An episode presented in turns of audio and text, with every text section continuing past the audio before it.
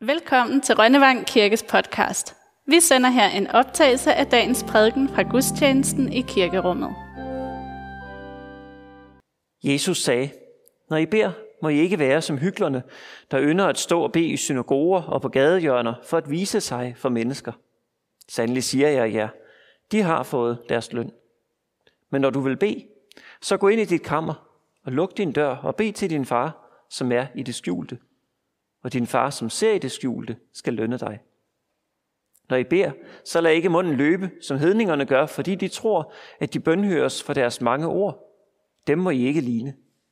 Jeres far ved, hvad I trænger til, endnu før I beder ham om det. Derfor skal I bede således. Vor far, du som er i himlene, helliget blive dit navn, komme dit rige. Ske din vilje, som i himlen, således også på jorden. Giv os i dag vores daglige brød, og forlad os vores skyld, som også vi forlader vores skyldnere. Og led os ikke ind i fristelse, men fri os fra det onde. For dit er riget, og magten og æren i evighed. Amen.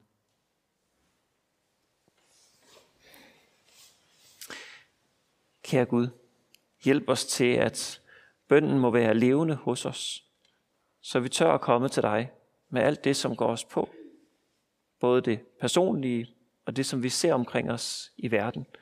Uretfærdighed, ondskab, hvor vi kalder på dig til at gribe ind. Amen.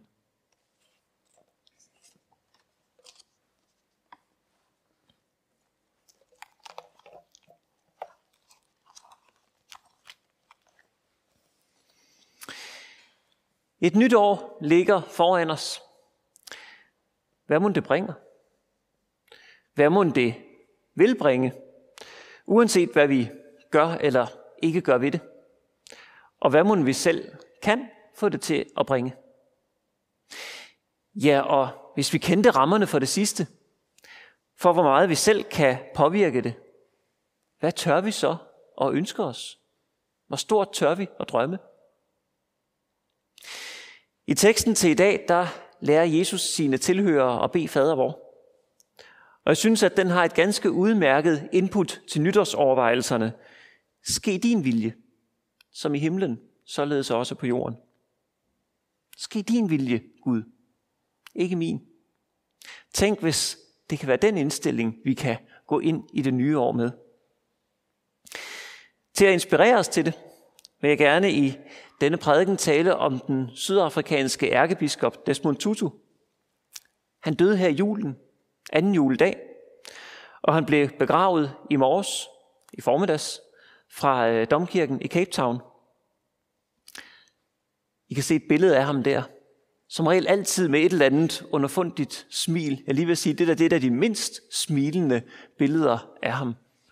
Han havde en, øh, en glæde og en umiddelbarhed, men han fik også virkelig drevet det langt med det, som han engagerede sig i. Jeg er dybt imponeret over, hvad den mand har fået ud af sit liv. Hvordan han med humor og skarpsindighed har drønet verden rundt. Inspireret og opmuntret mennesker, og først og fremmest været med til at få apartheid-regimet i Sydafrika til at styre det i grus. Han har også været i Danmark flere gange. Berlingske de skriver i deres nekrolog om, hvordan han i 1979 tog herop og opfordrede Danmark til at boykotte hans eget hjemland, for at lægge pres på styret dernede om at anerkende de sorte. Da han kom hjem, så blev hans pas inddraget for, øh, for den opførsel, den, den opmundring. Og selvom at der så gik syv år fra, han havde sagt det, til det rent faktisk blev gjort noget ved det, og det blev effektueret heroppe, så blev Danmark det første vestlige land, der boykottede det sydafrikanske kul, som ellers blev brugt i elværkerne. Senere var han i Danmark til øh, kirkedagene i Hillerød i 1989 og i Aarhus i 2001, hvor han holdt afskedsgudstjenesten og i sin prædiken netop takkede Danmark for, hvordan man havde været med til at kæmpe for friheden i Sydafrika med det, man havde gjort der dengang i 80'erne. Min far og jeg, vi gik og snakkede om Tutus besøg på kirkedagene her i julen, da vi hørte, at han var død. Og noget af prædiken, som Tutu holdt dengang, Det havde han fået beskrevet som malerisk. Så min far her 20 år efter, stadigvæk helt umiddelbart, når vi bare gik og snakkede om det uden forberedelse eller noget, kunne nævne nogle af de ting, som øh, havde været med dengang. Han kunne huske, hvordan Tutu havde talt om Jesus som den gode hyrde. Og om, at den gode hyrde ikke bare går rundt med sådan et, et yndigt lille lam, som man gerne ser det på billederne. Sådan et hvidt, rent, tuttenuttet et, som, som alle har lyst til at samle op. Nej, at være hyrde for os mennesker, det var nok nærmere som når hyrden hjalp en beskidt, ildelugtende, genstridig veder. Det havde været Tutus billede ved den gudstjeneste. I 2009 kom han jo til Danmark igen, som taler ved klimakonferencen COP15. Og i den forbindelse deltog han også i en, en klimagudstjeneste inde i Københavns Domkirke. Jeg synes, at en mand som Tutu, han er værd at mindes. Særligt i dag, på hans begravelsesdag. For der er noget sundt i, at vi kan lade os inspirere af andre mennesker. Og prøve på at se, hvad, hvad deres tro har fået dem til at gå ind i. Men hans tro, hvor kommer den ind i billedet? Har han ikke været ærkebiskop af navn, men mindst lige så meget politiker af gavn? Nej, ikke hvis han selv skulle sige det, i hvert fald. Han talte gerne med præsidenter og regeringsledere, men han sagde selv, at han talte ikke om politik. Han talte om religion. Han talte om tro. En tro, der først og fremmest gik ud på, at Gud er verdens skaber. Ikke kun sådan i en datidig forståelse. Ikke som en afsluttet begivenhed. Nej, som en kontinuerlig proces. Gud har skabt verden og skaber fortsat verden. Jeg hæver hans bog ned fra hylden derhjemme her mellem jul og nytår. Den hedder Gud har en drøm. Det er næsten sådan et spil på, øh, på, på Martin Luther King der med I have a dream. Nu skriver han så, Gud har en drøm. Og der fortæller han, hvordan han flere gange øh, havde fortalt præsidenten under apartheidstyret, P.V. Bota, at de sorte allerede havde vundet, og at de hvide var velkomne til at slutte sig til dem. Ja, det ville han faktisk opfordre dem til. Hvis man så på, hvad der skete i det land af vold og undertrykkelse og diskrimination af de sorte, så lignede det bestemt ikke, at de havde vundet. Hvordan kunne Tutu så sige sådan til præsidenten? Var det politisk spin? Var det naivitet? Var det blind tro på egne evner? Nej, det var en tro på titlen på hans egen bog. Det var en tro på, at Gud har en drøm for verden. En tro på, at Gud også gør noget ved det, at Gud fortsat skaber. En tro på, at det gode, det vil vinde til sidst. Vi ved, hvordan det gik i Sydafrika. Miraklet skete, og apartheid faldt. Ikke kun på grund af Tutu, på grund af en lang række personer, ikke mindst med Nelson Mandela i spidsen. Tutu må gerne stilles op som et forbillede, men ikke for herligt. Stik det er ude på. Han var bare et menneske, ligesom alle, andre, alle os andre. Men det er måske netop det, der faktisk gør det realistisk, så for det ene menneske som os, at se på det andet menneske og se, jamen hvad drev ham, og hvad gjorde han? Men var han ikke bare på et heldigt sted, på et heldigt tidspunkt, og har reddet videre på bølgen efterfølgende? Kan begivenhederne i Sydafrika dengang stadig have noget at sige os i vores del af verden? Hvis vi kunne have spurgt ham selv, så ville han have sagt, at ja, det kunne de bestemt. Han kendte til raceadskillelsen i apartheid på egen krop. Han vidste, hvor fastlåst en problemstilling det var. Hvor umuligt man skulle have troet det var at gøre op med det. Og endda på så fredelig en måde, som det trods alt endte. Og når han selv skriver om det, så ser han det, at Gud valgte netop så fastlåst en situation til at vise sin forandrende kærlighed til verden, som et symbol på, at så kan andre situationer også løses. Han nævner selv Nordjylland. Bogen er lidt ældre. Måske var situationen endnu mere fastlåst i Nordjylland dengang, end den er nu, selvom de vil stadigvæk kan ryge totteren på hinanden. Han nævner selv Israel hvor jeg ikke ved, om det er blevet meget bedre, siden han skrev det. Hvor han også i Israel selv gik aktivt med i en bestyrelse i et fredsbevarende arbejde. Og hvis bogen havde været nyere, så havde han sikkert også nævnt Rusland og Ukraine, og nogle af de situationer, hvor vi står i spændinger og konflikter i verden i dag. Jamen kan de konflikter løses? Og kan de løses uden vold? Ja, det kan de. Det er påstanden. Det er ikke sikkert, at det vil gå sådan. Der ligger forskellige spor foran os, men et af dem er et fredens spor. Betingelserne for fredsaftaler og den slags, det er politik, og det hører sted på politikernes spor. Men freden starter et helt andet sted. Freden starter i at se det andet menneske. Se mennesket som menneske simpelthen. For hadet til den anden skjuler medmenneskeligheden. Skjuler, hvor meget vi har til fælles.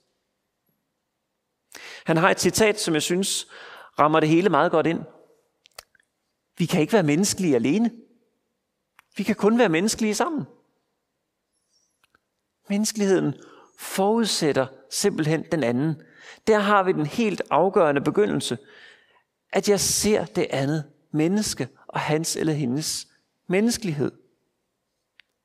Ser mennesket i israeleren eller palæstinenseren, eller russeren eller ukraineren, eller i dem, som er endnu tættere på mig, og de konflikter, vi måtte have omkring os.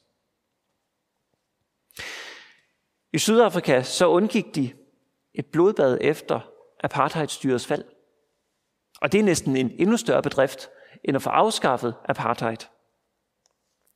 Verdenshistorien viser, at regimer, de falder. Styre, de kommer og går. Men det sker sjældent fredeligt. Der havde været drab nok under kampen og under den forudgående undertrykkelse, til at når apartheid så blev afskaffet, så kunne det nemt have ført til hævn og blodtørst. Når det ikke gik sådan, så var det først og fremmest baseret på den forsonings- og sandhedskommission, som var grundlagt på det med at se det andet menneske. Som var baseret på et kristent menneskesyn, hvor det andet menneske, som står over for mig, aldrig er mere fremmed, end at han også er elsket af Gud. Det er kraften i kristendommen. Den rækkevidde har evangeliet, når det handler om at få mennesker til at sameksistere i fred. At det faktisk kunne vise dem en vej videre. Et andet af Tutus citater, som jeg også synes er værd at tænke over, det er, når han siger, at fred er ikke et mål, der kan nås, men en måde at leve livet på. Teoretisk synes jeg ellers godt, at jeg kan forestille mig en fred, der, der bare skal opnås. Det er tankegangen om, at du har dit, og jeg har mit. Så trækker vi en streg i sandet mellem os, og så går vi ellers hver til sit, og så passer vi os selv. Og det virker da til dels. Det virker da nogle gange. Og det kan være nødvendigt mellem enkeltpersoner, som bare ikke kan sammen. Men i det store billede, så er det ikke det, vi er skabt til. Vi er ikke skabt til at holde os adskilte. Vi er skabt til at mødes, til at være i dialog, til at se menneskeligheden hos hinanden.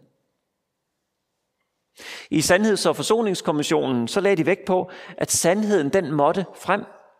Historier og beretninger, de måtte fortælles, selv når det var øh, grusomme beretninger om, hvad man havde gjort ved hinanden.